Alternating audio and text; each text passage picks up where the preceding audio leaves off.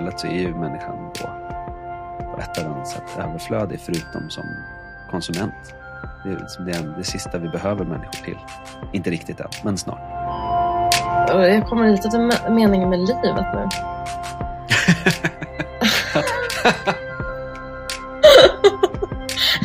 Skönt att vi tar de små frågorna.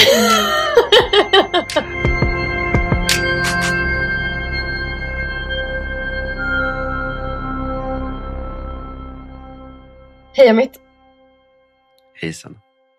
Hej. I En levande framtid, podden, idag ska vi prata om att vara människa. Och jag tyckte det var väldigt kul när du skrev att tvekande. Ah, det tycker jag är svårt. Mm. Det är ju svårt att vara människa. Idag. Eller kanske alltid har varit. Eller så är det inte alls svårt att vara människa. Egentligen. Kanske bara är våra system här i västvärlden som gör att det, jag upplever att det kan vara svårt att vara människa. Mm. För vad innebär det att vara människa? Vad innebär det för dig? Oh, jag hoppas att det var en retorisk fråga. Vad innebär det för dig idag att vara människa?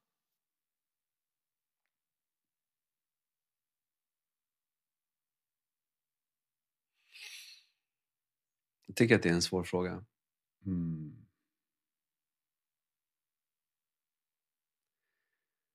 Om jag ska svara mitt automatiska svar så handlar det om att orientera efter det levande.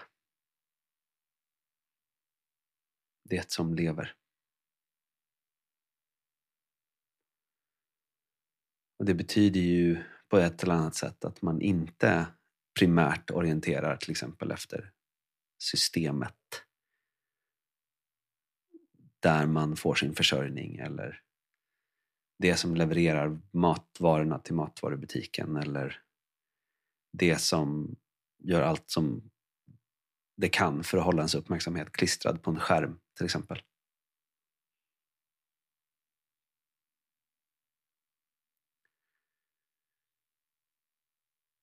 Det är ju så svårt för att nu dyker det upp någonting som jag får fäste kring, liksom en idé som jag har funderat en del på. Um, som är en person som heter um, Tim Morton som beskriver i en bok som heter Hyper Objects. Um, där han för det första säger då att alla saker som finns i världen har en typ av personhet. Även objekt. Men att de existerar i olika tidshorisonter, olika tidsskalor och i olika komplexitet. Så. Och sen så pekar han på att nästan allt som vi interagerar med i dagsläget är, har någon form av vilja. Eller har någon form av riktning i hur det vill att det ska interageras med. Och det gäller både andra levande objekt men också just teknologi eller det som dyker upp i matvarubutiken eller kläder eller mode eller saker vi köper i allmänhet. Um, och då pekar han på några principer, men en, en sak som han pekar på är att det finns liksom ingenting som är um,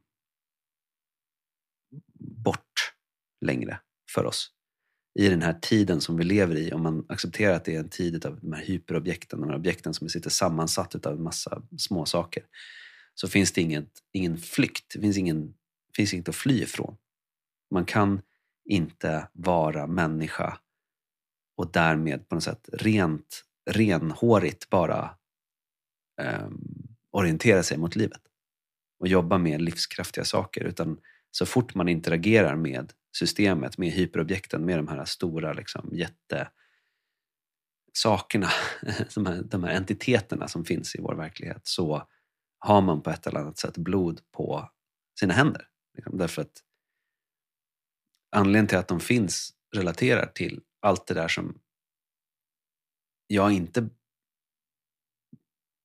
ser som mänskligt. Så.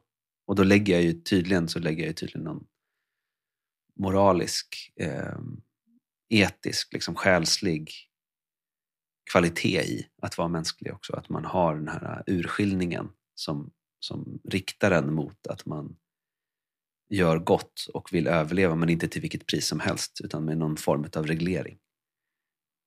Eh. Och det är därför jag tänker att det är så svårt just nu för att den där regleringen vi har fått, det är någon som har snurrat kompassen ordentligt eller det är någon som har lagt ut ett gäng magneter runt vår kompass tror jag. Så att vi, vi har snurrat några varv och vet inte riktigt vad som är upp och vad som är ner och vilket håll som är rätt. Vilket värdestreck vi egentligen är på väg eller vilket värdestreck vi borde gå emot.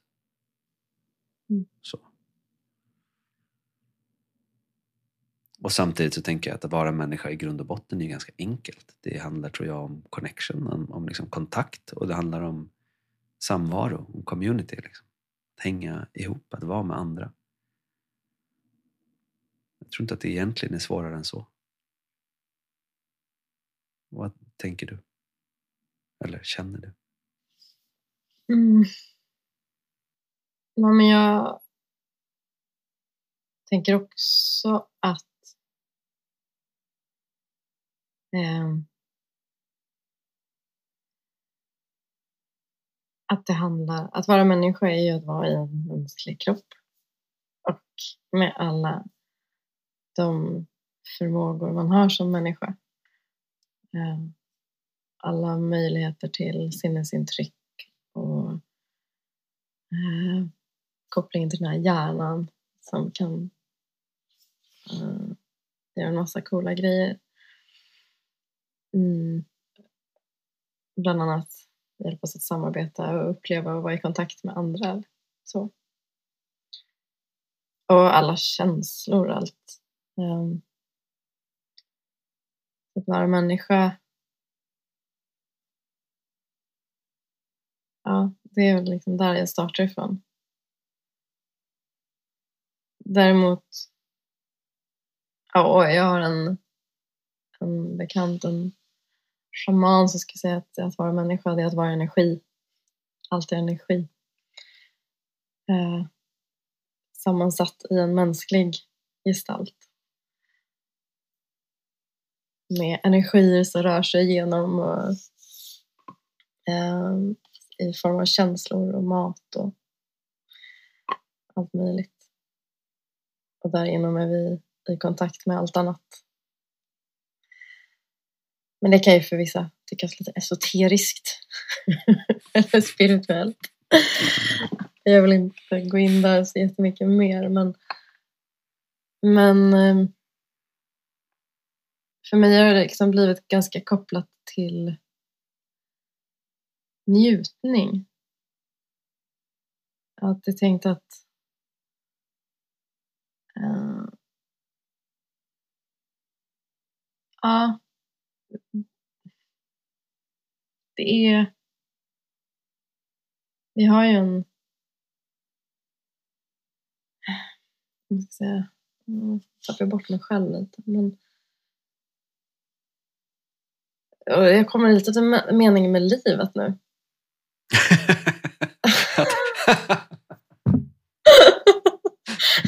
Skönt att vi tar de små frågorna. Herregud. Ja, ja, kör på. Vad är meningen med livet? ja, men eftersom jag liksom jag är en mänsklig, är i en mänsklig kropp, en mänsklig gestalt, så är väl då meningen med livet att uppleva att vara människa. leva som människa och uppleva och liksom, okej, okay, och just med den här njutning, eh, det finns en, eh, en bok som heter Pleasure Politics av Adrian, oh, jag kommer aldrig ihåg författarnamnen vi kan länka till det sen. Um, men, men liksom att ah, det är vår liksom, essens, att njuta. Men vi, vi har, lever i ett samhälle, i en tid och har gjort så i väldigt många, många hundra år där, vi in, där det inte riktigt är okej att njuta. Det är bara okej om du har jobbat hårt eller om du har Eh, slitit ihop pengar och köpt dig en njutning. Eller, eh, det finns en massa så här eh, begränsningar för njutning. Medan det är det ligger så i den mänskliga naturen att njuta. Uh, och alltså både liksom fysiskt, bara liksom s- njuta av, den, här- liksom uppleva den mänskliga kro- kroppen. Eh. Eller eh, leken, skrattet.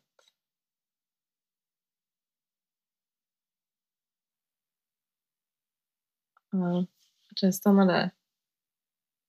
Vad, vad väcker det i dig? Har några parallella trådar. Mm. Men något som väcks direkt är en tanke som du har lyft tidigare. Eh, eller som vi har pratat om vid olika tillfällen. Just den här, det här sista skiftet som vi har gjort de sista några hundra åren. Så. Hur, hur man nu drar den gränsen, klart och tydligt, men liksom in i den industriella paradigmen och att någonstans med de pratar ju mycket om så här Descartes och hans split mellan kropp och själ. Och sen den kristna idén om att kroppen på något sätt är smutsig eh, och att själen är ren eller sinnet är rent. Ehm, och sen då stapla på det ett ekonomiskt system som på ett annat sätt behövde kroppar. Först slavar. Sen fabriksarbetare som i och för sig var avlönande då på ett eller annat sätt men ändå liksom i princip bara kuggar i hjulet. Så. Och ju mindre vi har behövt människor i systemet eh, och ju mer vi har kunnat ta till hjälp maskiner så har vi bara tagit till hjälp maskiner.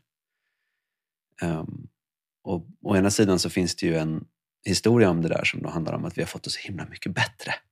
Det är så fantastiskt att vi har fått, vi har gjort sådana framsteg i mänskliga rättigheter och allt vad det är för någonting. Ehm. Men samtidigt så är det ju en väldigt konsekvent systemlogik som ligger bakom där vi är nu. Och så. Där istället så är ju människan då på ett eller annat sätt överflödig förutom som konsument egentligen. Det, är det sista vi behöver människor till. Inte riktigt än, men snart. Så. Ehm, Ehm, och då när vi inte konsumerar för att njuta utan konsumerar för att fylla ett upplevt behov. Man skulle kunna argumentera att det är ganska nära någon kärnpunkt för den, det tillfälle som vi befinner oss i med alla de kriser och all den överkonsumtion och all den... Ehm, vad kul, jag såg inte det här, men det leder till den andra punkten som jag hade i huvudet. Um, apropå det där med energi. Så man kan ju ta, berätta en esoterisk historia om det. Eller så kan man berätta en väldigt biologisk historia om det. Uh, och den biologiska historien skulle låta i något, någon form som att vi har det fanns eh, materia. Och det materiet vid något tillfälle lyckas kombinera sig på ett sånt sätt så att det började döma saker. Det började liksom kunna respondera eller prata med sin omgivning på ett eller annat sätt och då i form av liksom någon form av encelliga organismer. De här encelliga organismerna de lyckades skapa en förmåga att börja självproducera sig själva då, eller att självkonstruera sig själva. Och det, som, det är det som kallas här livets, livshypotesen som handlar om autopoiesis. Självkonstruerande tror jag att det är. Alltså, självförverkligande. Um, och sen så visste de då att man kunde gå mot mat och från det som inte var mat. Så. Och därmed uppstod någon form av dömande. Och sen så började de här encelliga cellerna eh, hitta olika sätt att samarbeta. Så. Och vid något tillfälle så slog de ihop sig och blev en tvåcellig organism där ena blev en kärna och det andra blev ett cellmembran. Liksom. Och när det där hände, sen så hände det en massa andra saker och sen så snabbspolar vi till att vara människa. Men någonstans i det där så handlar det väldigt mycket om metabolism. Att vi har, livet är i ett biologiskt perspektiv eh, ett svar på det som kallas för entropi. Eller det som är att nedbryta saker, bryta ner saker. Och att livet är i princip den enda giltiga strategin som har utvecklats för att just upphäva entropi.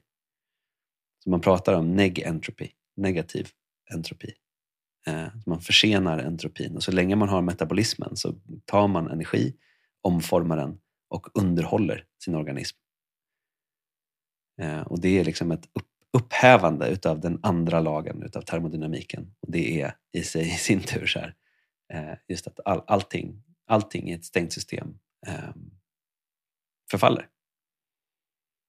Men att vara människa är ju att vara vid liv och det är på sätt och vis att då gå emot naturlagen om entropi i någon form av fysisk, biologisk mening också. Så att även där så finns det ett starkt stöd för perspektivet att vi är energi. Och energi i form av kalorier, energi i form av kemiska små signalsubstanser som frigör kalorier och frigör liksom, känslor i oss som sen driver oss lite längre. Ehm, och där någonstans finns ju också den här kopplingen till njutning som du pratar om. Ehm. Man tänker det är spännande, men ja. Just att njutningen... Jag blev berättad för när jag var liten att här, om man inte äter då dör man. och så var det någon, det fanns det är den här berättelsen om att man, kunde bara, man, kan inte äta i så och så många veckor och man, kan inte, man, man måste dricka efter så och så många dagar annars så, så Och samtidigt så hör man om diverse människor som håller på med olika spirituella, liksom andliga övningar som så här, de kan torrfasta i väldigt lång tid. Liksom. Och mm. man kan, det finns en massa tydliga exempel på folk som lyckas upphäva den lagen om att man dör bestämt vid ett visst tillfälle. Um, men på något sätt så behöver ju ändå deras liksom, fysiska organism någon form av energi att leva på. Så frågan om var hämtar de den ifrån då? Eh, och så tänker jag på just det här med att stå emot förfallet. Eh, och att njutningen skulle kunna vara ett svar på det om vi förhåller oss neutralt till den. Att bara uppleva det som känns. Så kanske är njutning en del av det och en annan del är jättemycket smärta eller jättemycket något annat. Men i tillfället för känslan så är det ju bränsle. Eller energi då. då.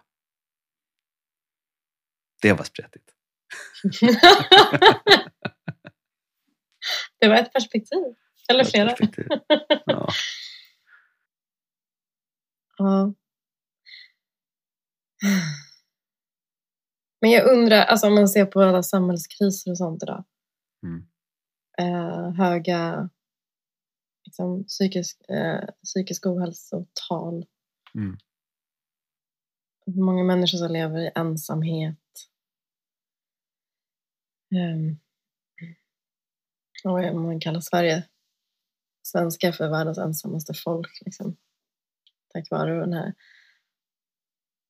eh, ja, industrialiseringen och institutionerna som har liksom kunnat ge oss välfärd.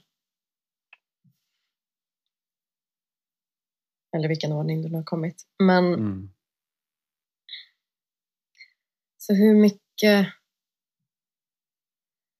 Ja, är det hur mycket tillåts vi att vara människa idag?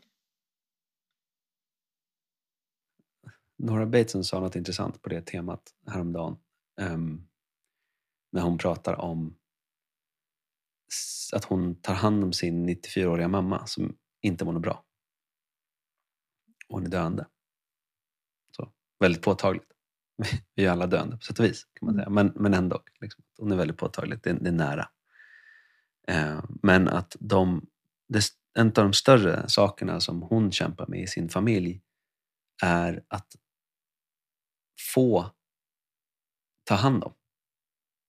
Att hennes mamma är så programmerad att hon i sitt döende är en börda för familjen. Ehm, så att hon vill inte bli, hon, hon vill inte, hon, mot, hon gör motstånd emot att bli omhändertagen så som jag förstod henne i historien. Ehm, just för att man inte vill vara en börda. Man har blivit berättad för att man är en börda för sina närmaste.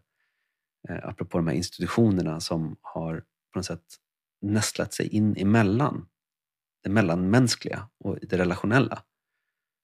Och utgett sig för att kunna ersätta dem och den intimitet som kan ske mellan människor om man faktiskt har den här, om man verkligen bryr sig. Det tyckte jag var spännande. nu har jag glömt bort vad du frågade, men jag undrar om, i, om du tar din fråga, vad det nu var, som jag inte kommer mm. ihåg, och det som jag just sa, hur, var hamnade du då? Jag frågade hur mycket vi får vara människor idag. Tack. Mm, tror jag.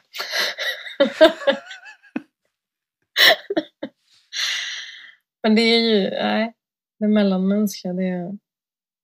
Um, mm, jag känner igen det där från mina gamla. Jag var ju med i farfars, farfars dödsbädd här förra veckan. Förra, förra veckan. Um, och det... Ja, där har jag ju plockat bort en väldigt viktig del av att vara människa och det är just döden. Det, den behöver inte vi hantera. Vi behöver inte se den, vi behöver inte vara nära den. Mm. Och det, vad gör det med oss? Mm. Vi behöver inte hantera ålderdomen. Vi behöver inte... Ja, det är så mycket vi inte behöver. Vi behöver inte. De, vissa delar av att vara människa. Men frågan är, är vi då? Ja, vad gör det med oss? Mm. Jag tänker, och inte minst om man ska dra det till de äldre, jag jämfört med att jag varit mycket i Gambia förr. och där, där, alla bor ju tillsammans genom hela livet. Och de gamla bor på så family compounds. De gamla är med även när de är lite virriga och man sätter dem i en gungstol liksom, på gården och så är de omgivna av barnen som kommer och flätar håret, sitter, kryper upp i famnen. Och så sitter de där och liksom, sitter och vaggar och kollar på livet och är en del i livet som sker. Jämfört då med när jag hälsar på mina gamla. Kommer in på ett äldreboende och sitter de ensamma var för sig. Någon som ger dem mat. Men inte mer. Du ser ut genom fönstret. Kollar på in i en eld.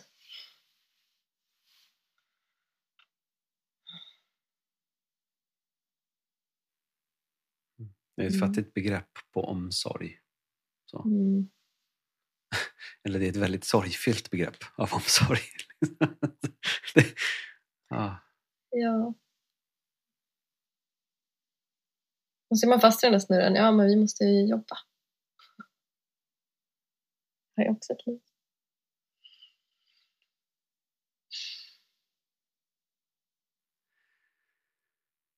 Ja, och sen det är en sån farlig väg att vandra för man pratar ju som om det är så. Jag vet att jag har mm. vid något tillfälle lyft just den frågan kring men lite det du pekar mot, att vi hade ju den typen av samhälle tidigare där vi bodde i flera generationer och det fanns en gemenskap och man kunde luta sig mot liksom, och det fanns en, en helt annan typ av vad man cyniskt skulle kunna kalla liksom relationellt kapital på något sätt i, i samhället. Och tillit i det, till det. Och därför så kunde man nedjustera vissa. De behövde inte vara så. Liksom, behövde inte räkna varenda grej som man skulle behöva göra eventuellt. Eller varje eventualitet som kunde dyka upp behöver inte räknas i kronor och ören på bankkontot på något sätt. Utan det, det skulle kunna få vara det kan få ligga mellan människor. Man litar på att folk kommer dyka upp och hjälpa till om de behövs. Så. Eh, och då har jag fått svaret utav personer som har väldigt stor tilltro till de här utvecklingsteorierna som finns om att vi har gått någonstans ifrån och rört oss mot någonting och det som vi har rört oss mot är bättre än det som var. Eller mer komplext använder man då, då för att man vill inte säga bättre men man menar mer komplext som bättre. Eh, och då så säger man att ja, men det var ju ändå så att i de här tidigare samhällena så kunde man ju inte begripa att man kunde vara som individ. Och så tänker jag också på de här um, historierna om när man tittar på och gör studier på primater, på apor.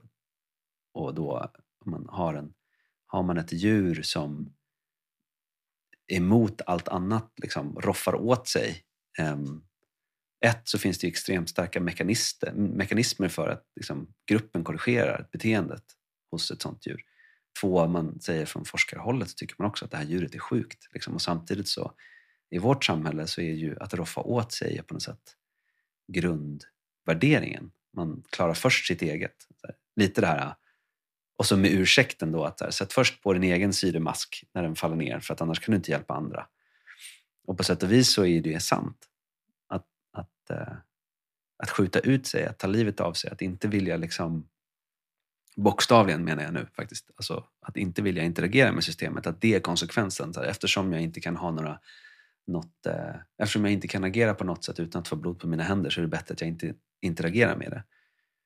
Men, men i praktiken så är det ändå ett sätt att frånsäga sig ansvar på, på ett eller annat sätt därför att det förändrar ju ingenting för någon annan. Alltså det förändrar ju alla de djur som lider i, liksom, i, i, i ja, industriell vad man heter, djurhållning, factory farming. Alla de människor som lider på grund av liksom o, inequality, o, orätt, ojämställdhet eh, och materiella galenskaper och värdekedjor som, som gör så här. Det, de hjälper man ju inte genom att checka ut själv. De finns ju fortfarande kvar och systemet kommer ju Systemet bryr sig inte om att man försvinner. På det sättet är man ju bara en kugge. Och samtidigt så är det ju det som jag tycker är så enormt fantastiskt hoppfullt levandegörande när man börjar se och orka titta på systemet, hur sjukt det är och ställa diagnos så verkar det som att det finns punkter där man kan göra jättemycket nytta. Till exempel som det som hände i i Nya Zeeland där man fick eh, en, en flod, eh, fick, blev en person, liksom en juridisk person. Man kunde börja liksom föra talan för den här floden. Och det arbete som görs nu med så ekocid, lagstiftning mellan, eh, över hela världen egentligen. Att man får mm. naturen till en person. Liksom. Och samtidigt så är det sjukt oroväckande att vi ska behöva göra allting. Det är mer separation. Det är mer liksom, tårtbitar, fler tårtbitar igen. Istället för att börja sätta ihop saker nu och äntligen tillåta folk att prata i helheter och vara komplexa och röriga och prata i olika trådar som vi gör nu.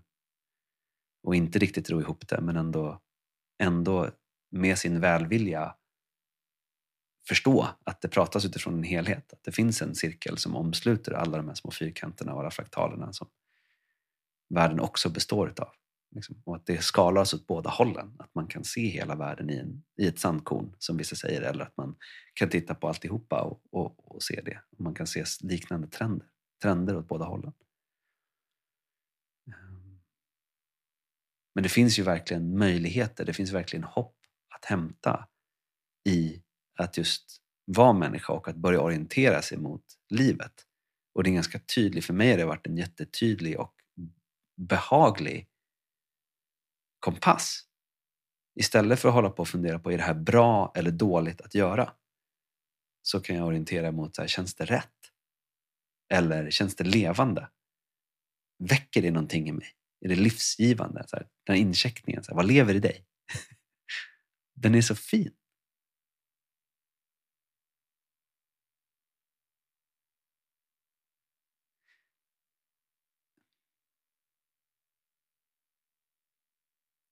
Finns en fråga på kring det här med att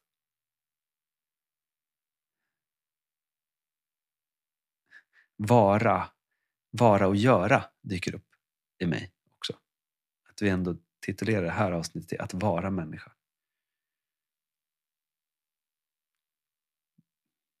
Jag vet att vi har tänkt på det massor, men hur, hur ser du på de två paradigmerna? Eller, ja.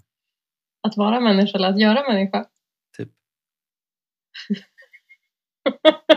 att göra människa drar ju mig en helt annan... Ja, Sorry, jag missade den tråden. Såklart. jag tror att du har gjort två människor så att... Kan jag få jag har gjort Kan du rita? Rita och gissa. Jag har gjort två människor också. Um, nej, fyra faktiskt. Jag har haft två missfall också.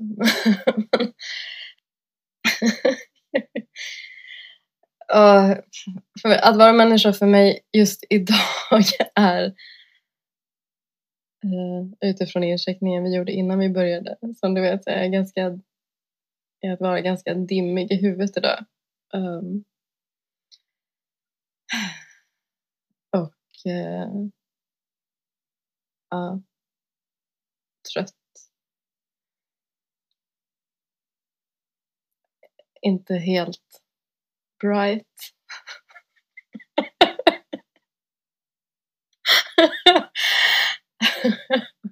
och jag försöker då att applicera medkänsla för mig själv.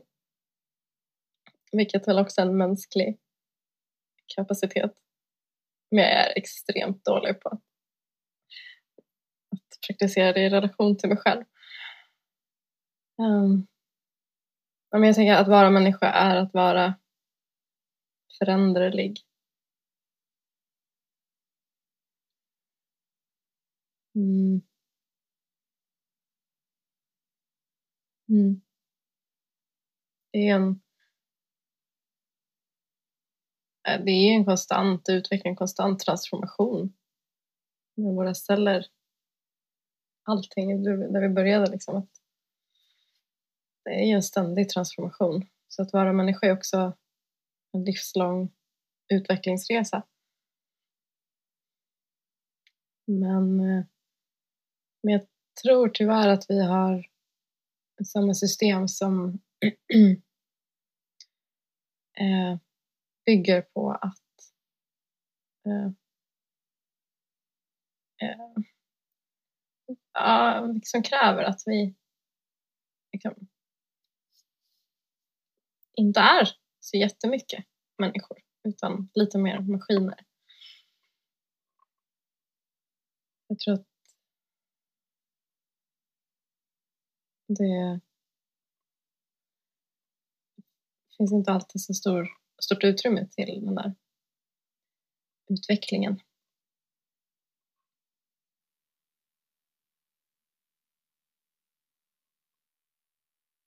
När du sa det så fick jag bara den här bilden av något som vecklas ut. Faktiskt vecklas ut. Det kom väldigt starkt i huvudet. Jag ville bara liksom... För man tänker utveckling kan tänkas som att det är en pil som går åt ett visst håll. Men det var inte det jag hörde när du sa det ordet just nu. Kanske där vi landar. Att vara människa är att vecklas ut.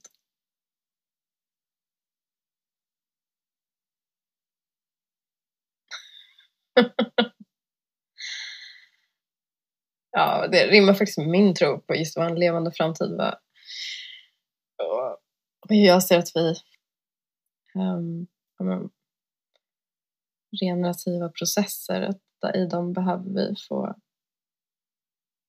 utrymme att vara människor med allt det som det innebär.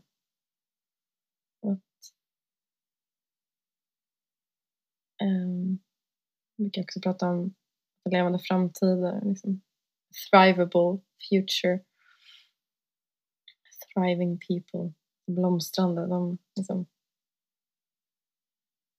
en värld, en tid där vi kan vecklas ut som de blommor vi är. Mm. Mm. Det väcker någonting i mig som jag skulle vilja säga som en, någon form av slutremark i, för mig. Det här nu är ju att allt det vi pratar om är ju alltid i relation till en omgivning. Alltså alla de här orden som anpassa, ansvara, jag vet inte, njuta. njuta är inte riktigt direkt, men liksom det finns att vi hela tiden vi är ju alltid resultat av vår omgivning. Det var typ det jag ville ha sagt. Um, och att omgivningen är resultat av oss. Och de sker samtidigt. Så när vi vecklas ut så kommer det få en inverkan på omgivningen. Och när omgivningen förändras så kommer det få en inverkan på oss och det kommer ställa andra krav på oss och på våra barn och på våra barnbarn om de får leva. Mm.